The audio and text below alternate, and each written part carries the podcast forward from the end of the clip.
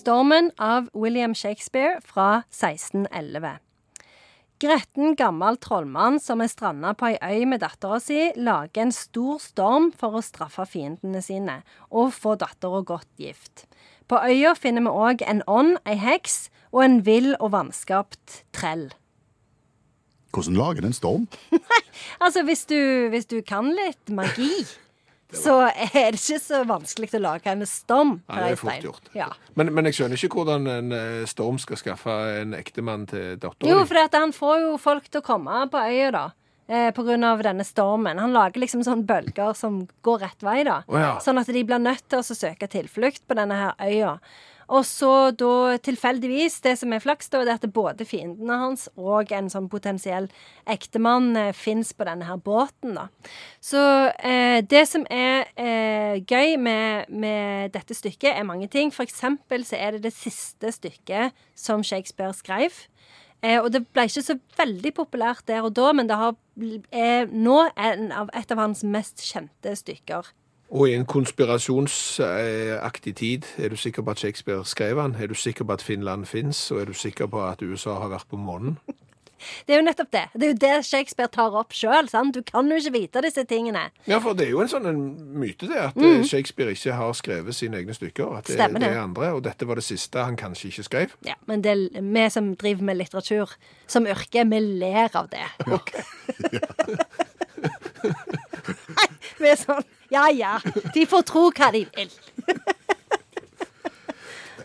Hvor mener du at vi imponerer mest dersom vi sier at vi eh, behersker stormen av Shakespeare? Altså Shakespeare. Vi snakker jo Shakespeare. Det er jo Alle ble jo imponert av det. Jo, men det er lettere å si f.eks. at du har lest eh, Romeo og Julie eller Hamlet eller noe annet, for det er jo mer kjent. Du vil jo imponere mer hvis du kommer med stormen, kanskje. Ja, det vil jeg tro.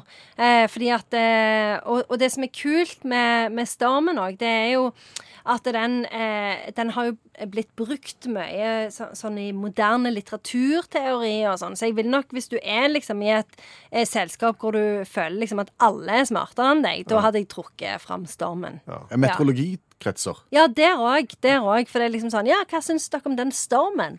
Det er han, han Prospero heter han trollmannen. Det er jo kanskje litt greit å vite. Sitter og later som om du har lest ei bok, men du aner ikke hva noen av karakterene heter. Hva heter dattera, da? Miranda. OK. Ja. Prospero og Miranda. Ja. Det må vi iallfall Og, huske. og det som òg er verdt å vite, det er at eh, eh, Shakespeare skrev jo dette i ei tid hvor det var James som var konge, og han var jo veldig opptatt av magi og hekser og sånne ting. Så det at Shakespeare skiller liksom med to, mellom to typer magi her. Han har Prospero sin magi, som er liksom rasjonell og god, og så har du heksa sin magi. Hun heter Sykorax. Og Sykorax Høres sin ut som en magi Asterix-figur. Det høres ut- det høres ut som noe du har på blå resept på apoteket fordi du har sånn et, en lei eksem. Må få på litt Psykorax. Ja. Brukes bare morgen og kveld, da. Det er viktig. For... Smøres tynt på. Ikke mer enn ti dager i strekk. OK. Psykorax, da. Okay. Hun er ikke god. Hun har mer sånn kjip, ond magi. Ja. Det var liksom Shakespeare eh, prøvde å fortelle James at eh, den magien du tror på, den er god, men det finnes òg dårlig magi. Hvis du skal hente ut et sitat fra stormen av Shakespeare Det går sånn. Vi er av samme stoff som drømmer veves av. Vårt lille liv er omgitt av søvn.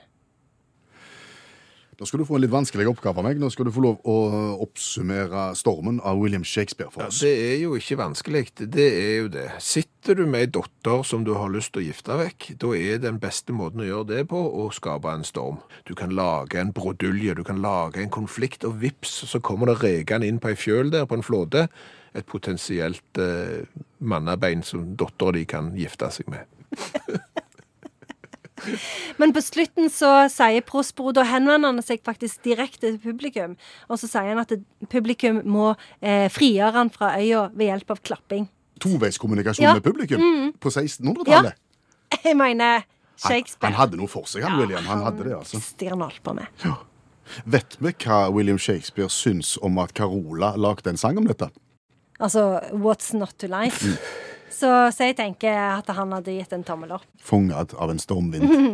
Med Prospero på kor og, og Miranda og så den der kremen. Bankende på døra, prøver å komme seg inn. Tusen takk, Janne Stigen Drangsvold, forfatter og litteraturviter.